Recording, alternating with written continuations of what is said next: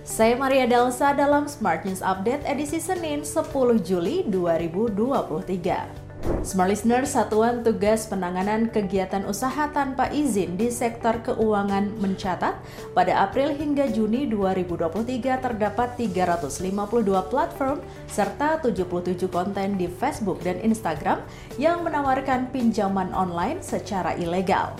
Sekretariat Satgas Penanganan Kegiatan Usaha Tanpa Izin di Sektor Keuangan, Hudianto juga menghimbau kepada masyarakat untuk mewaspadai penipuan dengan modus pesan singkat berisi lowongan kerja paruh waktu.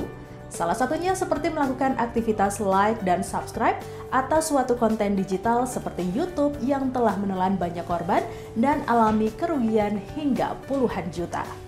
Berita selanjutnya, kasus obesitas di Indonesia meningkat signifikan dalam 10 tahun terakhir dari 10,5 persen pada 2027 menjadi 21,8 persen pada tahun 2018. Direktur Pencegahan dan Pengendalian Penyakit Tidak Menular Kementerian Kesehatan Eva Susanti mengatakan, kasus obesitas di Indonesia saat ini telah digolongkan sebagai penyakit yang perlu diintervensi secara komprehensif.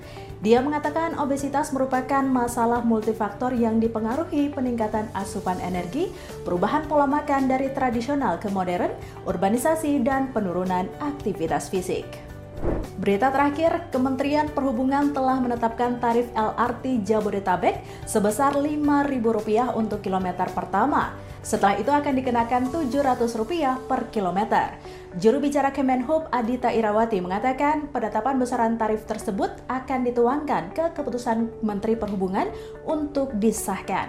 Sementara untuk tarif jarak terjauh, sebelumnya Direktur Jenderal Perkeretaapian Kementerian Perhubungan Muhammad Rizal Wasal menyebutkan Tarif maksimal sebesar Rp20.000 untuk perjalanan stasiun Duku Atas ke stasiun Haryamukti dan Rp25.000 untuk perjalanan stasiun Duku Atas ke stasiun Jatimulya. Sekian berita hari ini, sampai berjumpa dalam Smart News Update berikutnya.